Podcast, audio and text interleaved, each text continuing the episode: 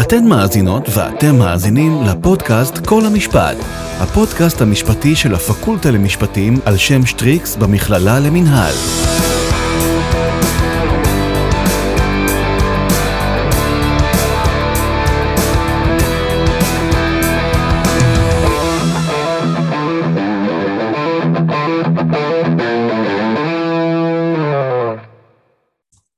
ברוכים הבאים וברוכות הבאות לפודקאסט כל המשפט. אני אביר זוארץ.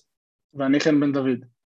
היום אנחנו הולכים לדבר על סוגיה מורכבת ומרתקת של חטיפת ילדים במשפט הבינלאומי. ב-23 למאי 2021 נספו 14 מתוך 15 נוסעים באסון רכבל שאירע באיטליה. הנושא היחידי ששרד את האסון היה ילד ישראלי בן חמש בשם איתן בירן. איתן איבד את כל משפחתו הקרובה באסון שאירע ברכבל. מכאן עולה השאלה האם עליו לחזור לישראל לסבו ולסבתו, או להישאר באיטליה עם דודתו. סביב שאלה זו עסק בית המשפט העליון בחודשים האחרונים.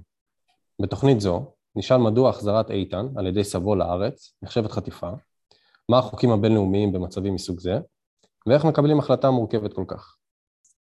והיום נארח את עורך דין לירון שלו. בוגר הפקולטה למשפטים במכללה למינהל, התמחה ועבד בעברו במחלקה הבינלאומית בפרקליטות המדינה, בוגר תואר שני במשפט בינלאומי מאוניברסיטת ג'ורג'טאון, וכיום מבצע את הדוקטורט שלו גם למשפט בינלאומי באוניברסיטת ג'ורג'טאון. שלום לירון, אנחנו שמחים שהצטרפת אלינו. תודה שהזמנתם, נעים להכיר. לפני שנצלול לפסק הדין בעניין איתן בירן, שעלה לכותרות לאחרונה, תוכל לספר לנו מה ההגדרה לחטיפת ילדים במשפט הבינלאומי? Uh, כן, בשמחה. Uh, אז קודם כל אני רוצה להתחיל בזה שחטיפת ילדים נשמע מאוד מאוד דרמטי. זה באמת חטיפת ילדים, אנחנו חושבים ישר על uh, מקרה כופר, אנחנו חושבים ישר על, uh, על סרטים שראינו, על חטיפות. זה, זה לא המקרה פה. זה, זה לא, מה שנקרא, זה לא ה-use case. אנחנו מדברים פה על מקרים שלרוב בן משפחה אחד לוקח את הילד למקום אחר, למדינה אחרת, ללא הסכמת ההורה הראשון. זה, זה המקרה, אוקיי? זה יכול להיות טיול שהתארך, זה יכול להיות זה אימא שברחה מבעלה המכה יחד עם הילד, יכול להיות המון המון דברים. אני רוצה שנייה להוריד את הסטיגמה מההורה החוטף, ההורה החוטף אה, נשמע שוב נורא נורא גרוע, וזה לא חייב להיות כך.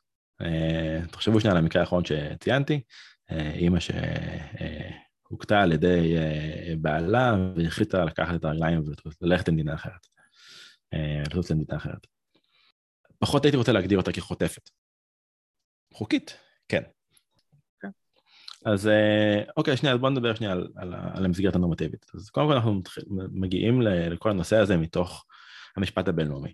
ב-1980 התכנסה לה ועידה בהאג, והם החליטו להוציא uh, מסמך, uh, מסמך נקרא uh, The Hague Convention on the Civil Aspects of International Child Abduction, אוקיי? Okay? האמנה בדבר ההיבטים האזרחיים של חטיפת ילדים. Uh, כבר מהשם, דרך אגב, אתם רואים שאנחנו באמת לא מדברים על העולם הפלילי.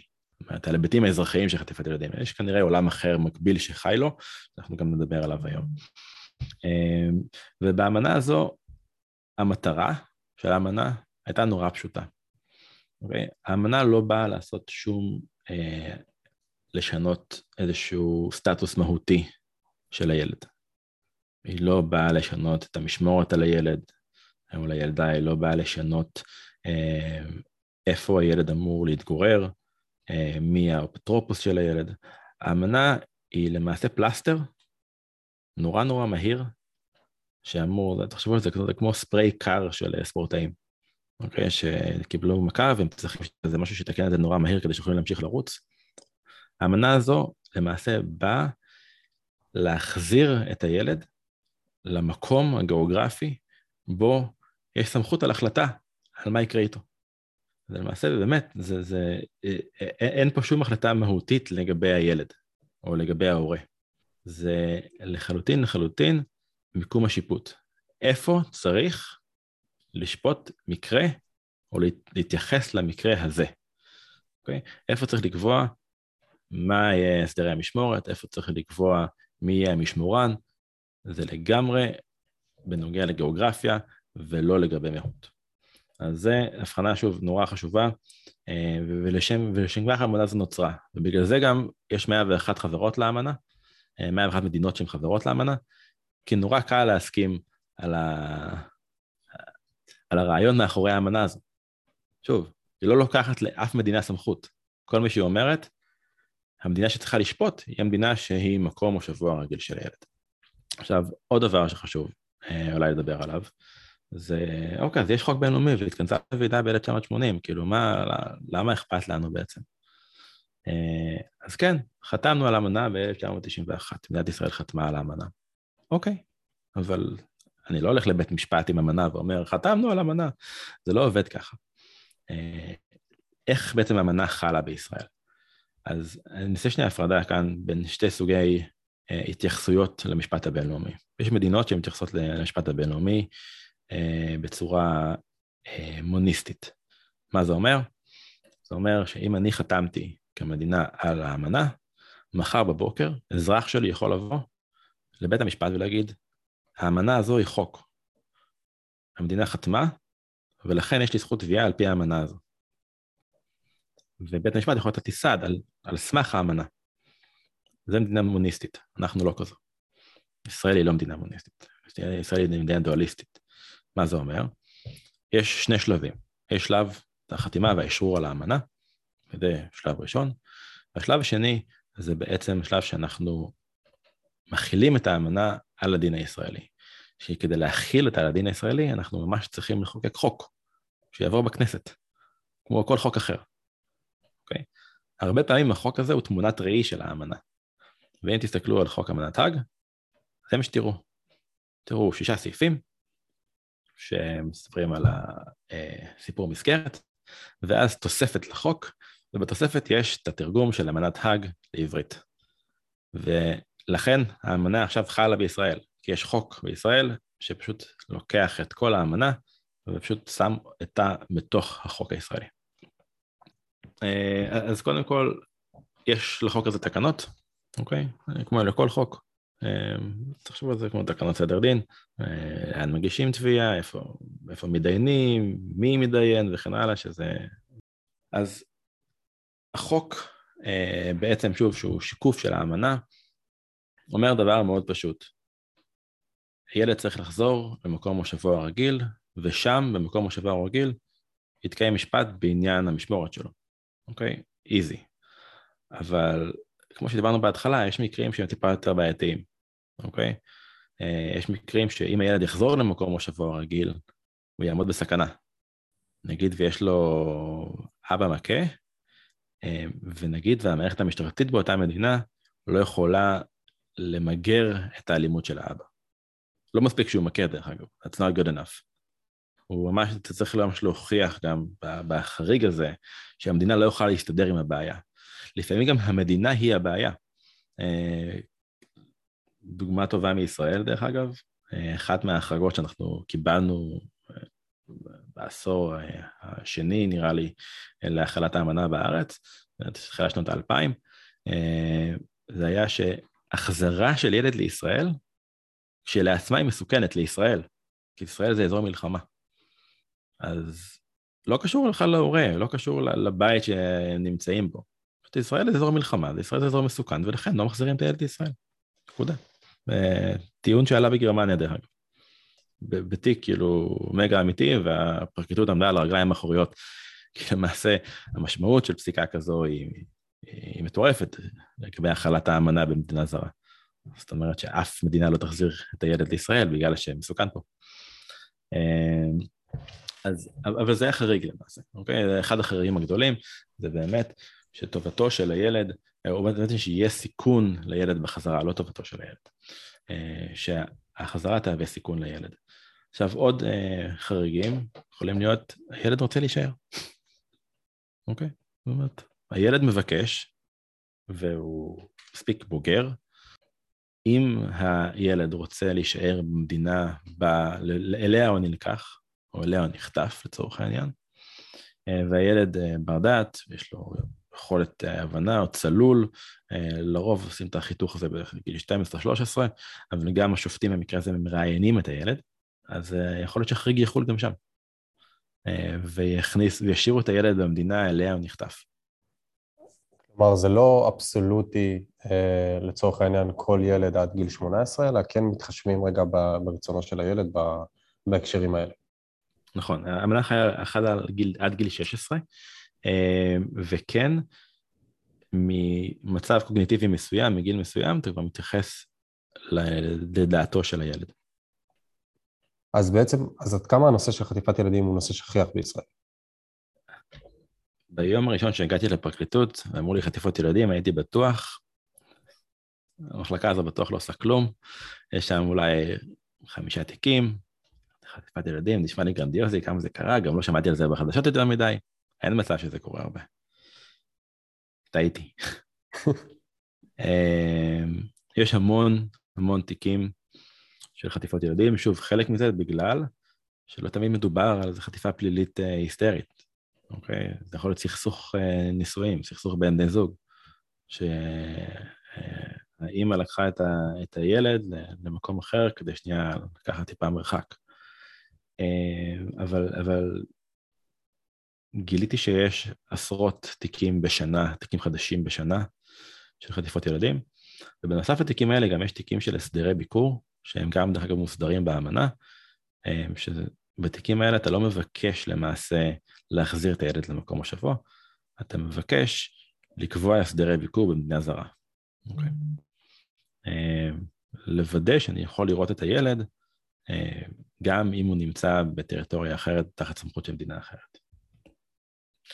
אז, אה, אז, אז כן, יש פה אה, עשרות תיקים בשנה, וכנראה כמה מאות תיקים פעילים. מה קורה כאשר ש... שיש מדינה שאינה חתומה על האמנה, ואיך בא לידי ביטוי בעצם העבודה של המחלקה הבינלאומית? זו שאלה מעולה, אה, כי בסופו של דבר, כמו שאמרנו בהתחלה, האמנה הזו באה להסדיר מצב בין הורים. אה, ולמעשה היא באה גם עם ההבנה שסכסוך בין הורים הוא לאו דווקא פלילי. אבל כאשר אין לך את היכולת, אין לך את המסגרת הנורמטיבית כדי לנהל דיון כזה ברמה האזרחית, הדבר הראשון שעולה זה הרמה הפלילית. והרבה פעמים, במצב כזה, שהורה חטף את הילד למדינה זרה, שהיא לא חלק מהאמונה, האופציה הפלילית קופצת ראשונה. אבל אני רוצה שאני אסייג את זה. כמו כל אמנה שלא חתומה בין שתי מדינות, מדינות בהסכמה אד-הוקית יכולות להסכים על החלת האמנה, או על התנאים של האמנה, או בעצם על כל תנאי אחר שהם מסכימים, הסכם בין מדינות, חוזה בין מדינות. אוקיי? אז זה תמיד אפשרי. יש מדינות שאנחנו פונים אליהן, שהמדינה, שישראל פנתה אליהן, שהן לא חלק מהאמנה, והם הסכימו בעצם לקיים את האמנה כדי לשמור על יחסים X-Y עם ישראל, אולי כדי להראות אה, שהם אה, אה, עומדים במשפט הבינלאומי, שהם משתפים מידע, שהם כאילו Team Player לצורך העניין. אז יכול להיות מקרה כזה, ויכול להיות שאנחנו נפנה לדין הפלילי, ואז אנחנו נלך לדיני ההסגרה ולאמנות אחרות שהן טיפה יותר כוללות, שיש להן יותר מדינות שהן חברות להן. אה, אז בעצם אחרי שהבנו את המסגרת המקצועית לנושא של חטיפת ילדים בינלאומית, אה, האם תוכל להרחיב עבור מאזיננו מה קרה בדיוק בפרשת איתן בירן? אז נראה לי שכולנו נחשפנו לסיפור בחדשות, אה, וחדשות כמו חדשות זה נורא דרמטי. ובאמת הסיפור הזה הוא באמת דרמטי, זאת אומרת, יש כאן ילד שניצל מאסון נוראי, איבד את כל המשפחה שלו, אבל הילד הזה התגורר, והחל מגיל חצי שנה חי את כל חייו באיטליה. ההורים שלו, דרך אגב, גם רצו להמשיך לגור באיטליה. זאת אומרת, לא היה להם תכנון, לא היה להם תכנון לחזור אה, לישראל. ואחרי שקרה מה שקרה, סבתו ממש קיבלה אפוטרופוסות על הילד. הלכו לבית משפט וקיבלה אפוטרופוסות על הילד. אוקיי? אז, אז נכון, הילד ישראלי, אה, שש שנים מחייו מתוך שש וחצי שנים שהוא חי, אה, הוא בילה באיטליה, ובית המשפט באיטליה קבע שזה מקום מושבו, אוקיי? שהאפוטרופוס עוד שייכת לסבתא שלו, ושם הוא נמצא. דודתו, סליחה. ועל, רק, ועל הרקע הזה, המשפחה, אנחנו מקיימים את הדיון הזה, אוקיי? ואז המשפחה שלו בישראל באה לביקור, לקחה אותו, אה, ביקור מוסכם דרך אגב, בילו איתו טיפה זמן, אז לקחו אותו לשוויץ, ומשוויץ זה מטוס פרטי לקחו אותו לישראל. זה, זה הרקע לדיון. אה, שוב, בחדשות היה נשמע טיפה יותר דרמטי מזה. אה, שוב, כנראה גם בגלל סיפור המסגרת, כן, בגלל האסון, בגלל האסון שקרה. ואז על הרקע הזה, אנחנו בעצם מנהלים אה, משפט בישראל, המשפחה בעצם בישראל, מנהלת משפט בישראל ואומרת, לא, הילד צריך להתגורר פה. מקום מושבו הטבעי צריך להיות בישראל, יותר טוב לו להיות פה. כן, אין, אין סיבה שהוא, שהוא יוחזר לאיטליה. ו, ושוב, זה, זה הרקע לתביעה. וכאן אה, משפחה ישראלית עברה כמה, כמה ערכאות כדי לקבל את ההחלטה הזו, ובכל ערכאה אה, דחו את התביעה שלהם. בית המשפט השלום דחה את התביעה, ערעור למחוזי בזכות אה, דחו את התביעה, ובקשת ערעור אה, אחר כך אה, לבית המשפט העליון. אה, בברה גם דחו את התביעה. והסיבה לדחייה היא, האמת היא, מבחינה משפטית, היא מאוד, שזה מקרה די פשוט. באמת. מקום השבוע של הילד הוא איטליה. זהו, הוא חי באיטליה רוב חייו, ההורים התכוונו שהוא יחיה באיטליה. אה, בית המשפט קבע שמקום השבוע באיטליה לפני כן. דודתו קיבלה אפוטרופוסות איטלקית. אה, הכל, הכל מצביע על זה שזה מקום השבוע של הילד. אה, אז למעשה באמת, מבחינת מקום השבוע של הילד, אין סיבה שהילד יוחזר לישראל. ואז אנחנו מדברים על חריגים. אוקיי? ואני יודע שהמשפחה הישראלית העלתה אה, כמה חריגים שהם, שוב, הם, הם חריגים, נקרא להם החריגים הרגילים אה, להחזרת ילדים. אני חושב שמעבר לזה, אה, בית המשפט לקח בישראל, אה, נתן אה, משנה תוקף להחלטה שהייתה באיטליה. אוקיי? אמר, היי, גם אפוטרופוס, גם מקום השבוע הטבעי, עשו לנו את העבודה לצורך העניין. אז בכלל לא היה ספק. אמ, ו- ולכן, שוב, אני, אני באמת, אה, זה, זה תמיד מעניין אותי לראות איך אה, מקרים שהם באמת נשמעים נורא דרמטיים בתקשורת, ונקרים, ונשמעים נורא נורא קשים, הם למעשה משפטית, משפטים, מקרים נורא נורא קלים. אבל אני רוצה שנייה להגיד, המקרה הזה לא קל, אוקיי? זאת אומרת, יש פה אסון שקרה, יש פה משפחה בארץ שרוצה לראות את הילד, אה, יש פה באמת, יש פה המון רגשות שמעורבות בתוך הסיפור הזה. וכל מה שבית המשפט בעצם אומר, זה שאין בעיה, זה נכון, אבל הדיון הזה צריך להתקיים באיטליה. כי זה מקום השבוע של הילד, זה הכל. אין פה אמירה נורמטיבית לגבי הילד, לגבי האם הוא צריך להיות בקשר עם ההורים שלו, עם אה, המשפחה שלו בישראל. אה, זה, זה לא, זה בכלל לא בדיון.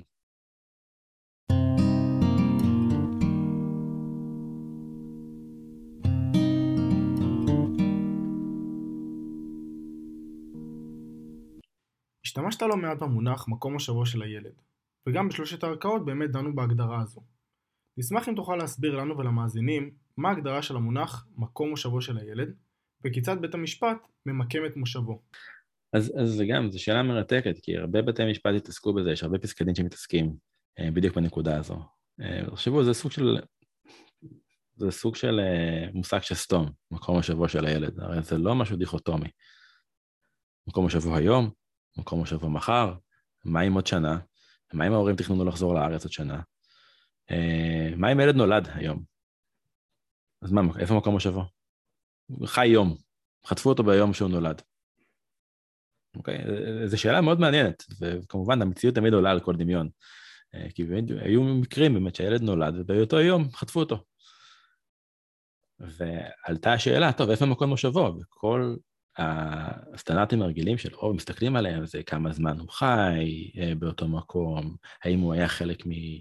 היה לו, היה בגן, יש לו, אה, יש לו חברים שם, זאת אומרת, יש לו, יש לו מערכת שהוא נמצא בתוך המערכת. כל הדברים האלה פשוט לא היו רלוונטיים יותר.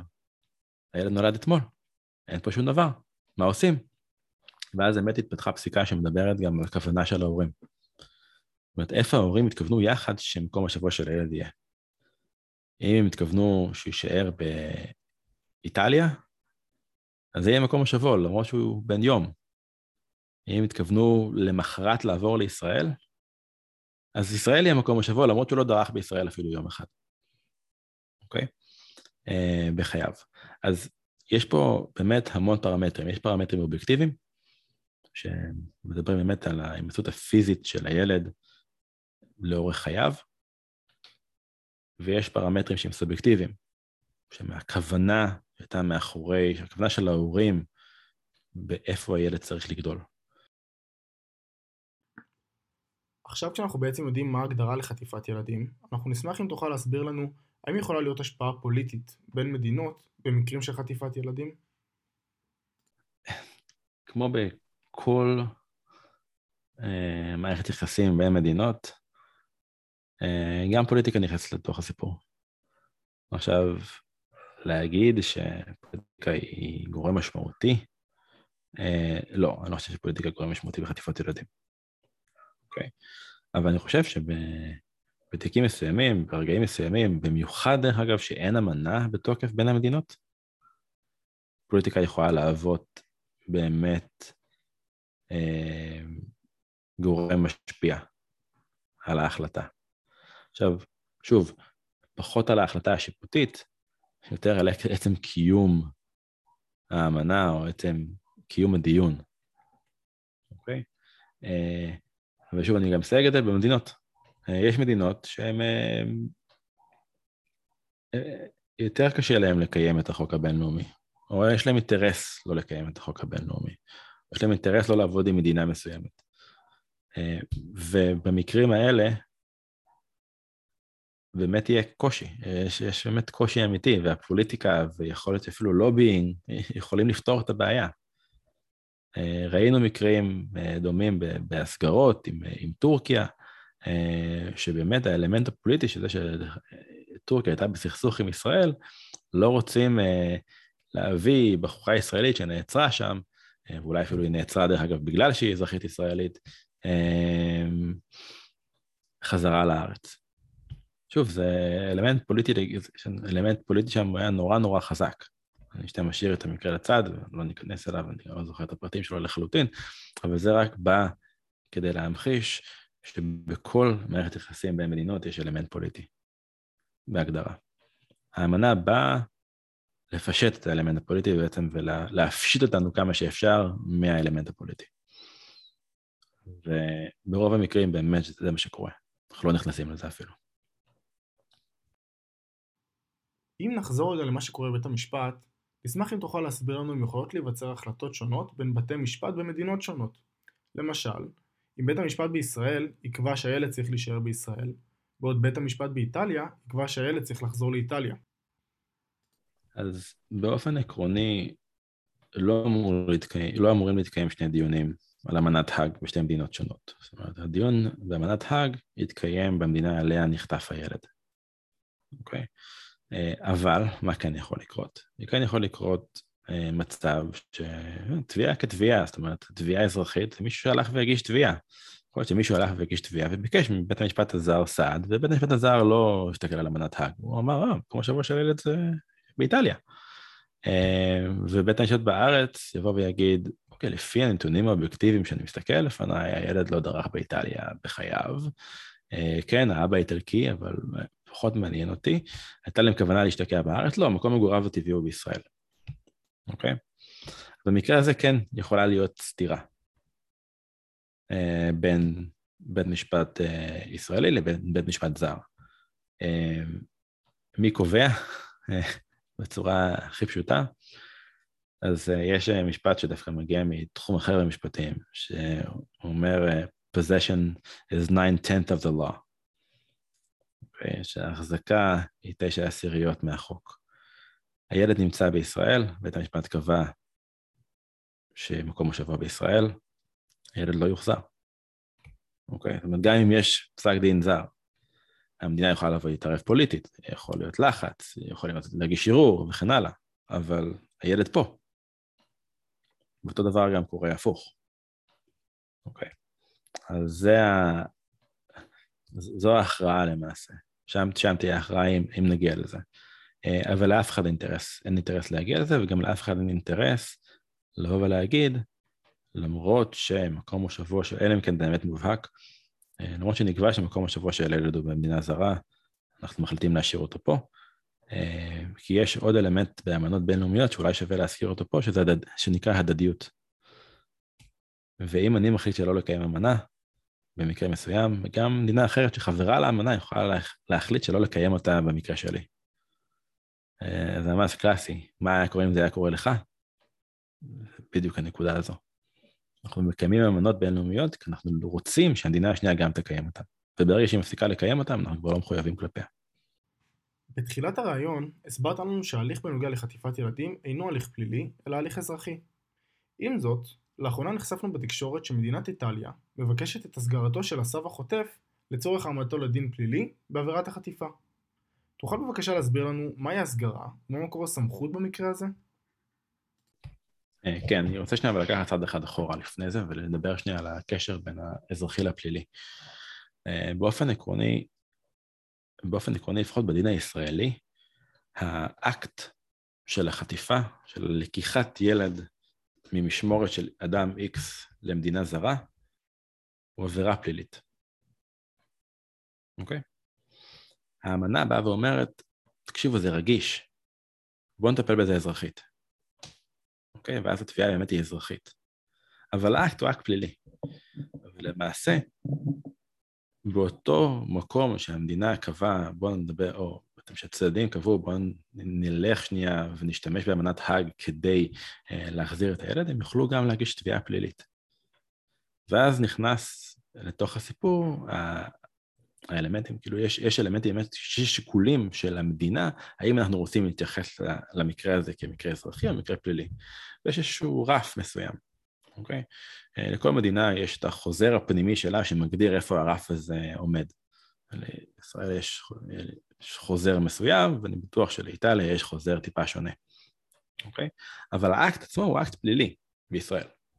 אם יש חוק תואם במדינה זרה, אז כנראה יהיה אקט פלילי גם שם. בוחרים לעשות את זה אחרת בגלל המהות של הקשר, בגלל שאתם משפחה, בגלל שאם באמת אנחנו מכניסים לכלא את אחד ההורים, זה לא טובתו של הילד. האקסיומה היא שטובתו של הילד היא ששני הוריו יהיו חלק מחייו. אוקיי? והמשפט הפלילי די שובר את זה, בהגדרה.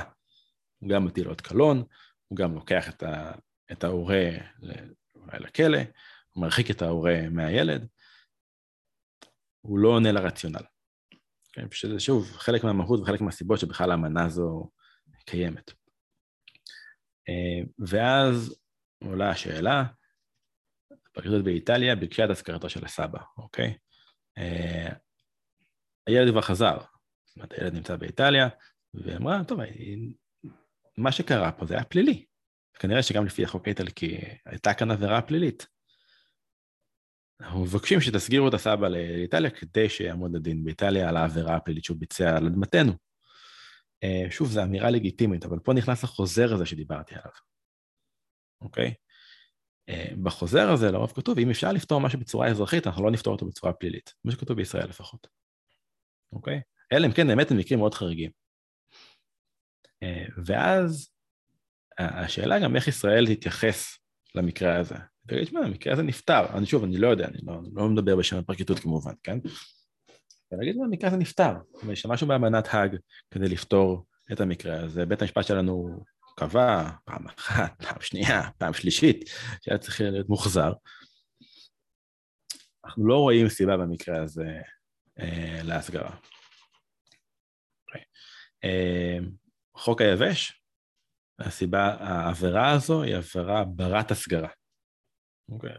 עבירה שבגינה יש אה, עונש יותר משנה בפועל, אה, שנת מאסר בפועל. שתי המדינות חתומות על אמנת ההסגרה, יש עוד כמה תנאים שמתקיימים. על פניו זו בקשה לגיטימית, השאלה פה היא תהיה יותר שאלה פוליטית, אוקיי? ולגבי מקור הסמכות, אה, לאיטליה, שוב, העבירה התבצעה על אדמת איטליה. לכל מדינה יש סמכות טריטוריאלית על השטח שלה, אוקיי? ולכן, אם מישהו מבצע, לא משנה, בחור פורטוגזי, מבצע עבירה פה בשנייה וחצי שהוא נחת, בעצם עשה כאן, באמת, עצירת ביניים. היה פה עשר שניות, בסדר? באמת, שעה בעצירת הביניים. עשה עבירה, לישראל יש סמכות. אוקיי? מכוח הטריטוריה, מסמכות טריטוריאלית. רגע לפני סיום, נשמח לשמוע את דעתך האישית. האם אתה חושב שנכון וראוי להסגיר את הסב לאיטליה? שואל המשפטן אם אתה חושב שנכון או לא נכון, תמיד יסייג את, ה, את האמירה שלו. אוקיי, זה משנה מה החוק אומר. אה, ואני חושב שהשאלה פה היא, היא קשורה הרבה ליחסים בין ישראל לאיטליה. היא קשורה לחוזר הזה שדיברנו עליו. באיטליה, אם הוא קיים ומה הוא אומר, היא פחות קשורה למה נכון ומה לא נכון, אה, בין משפט ובין צדק. אבל אה, אני חושב שבמקרה הזה יהיו המון מגעים מאחורי הקלעים כדי להסדיר את הנושא ללא הגעה למשפט הפלילי, ללא, ללא אה, צורך להתבסס על דיני ההשכרה. זה כנראה מה שאני הייתי עושה. אבל, שוב, לא מדבר בשם הפרקליטות, ויכול להיות ששיקולים שם הם שונים, ולכן אני לא יודע, לא יודע, לא יודע מה תהיה התוצאה. אני חושב שגם שווה לציין שיש פה אלמנט רגשי מאוד מאוד חזק.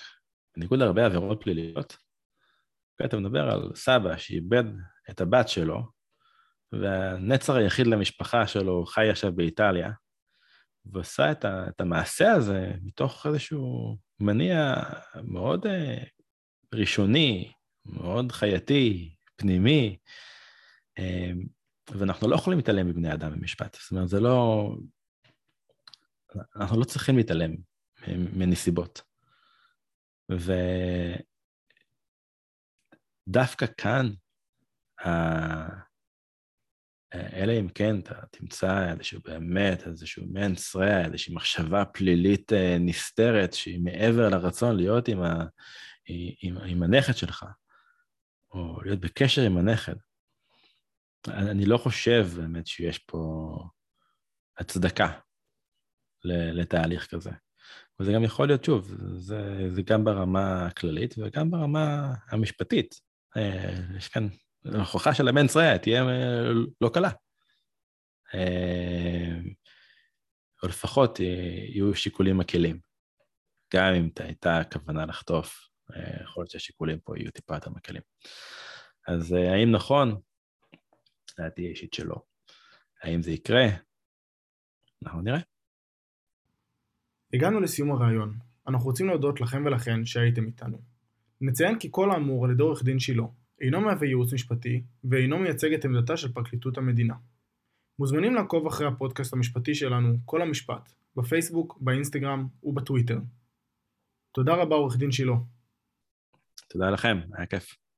תודה לך אביר. תודה לך חן. ותודה לכם ולכן על ההקשבה. נתראה בפודקאסט הבא.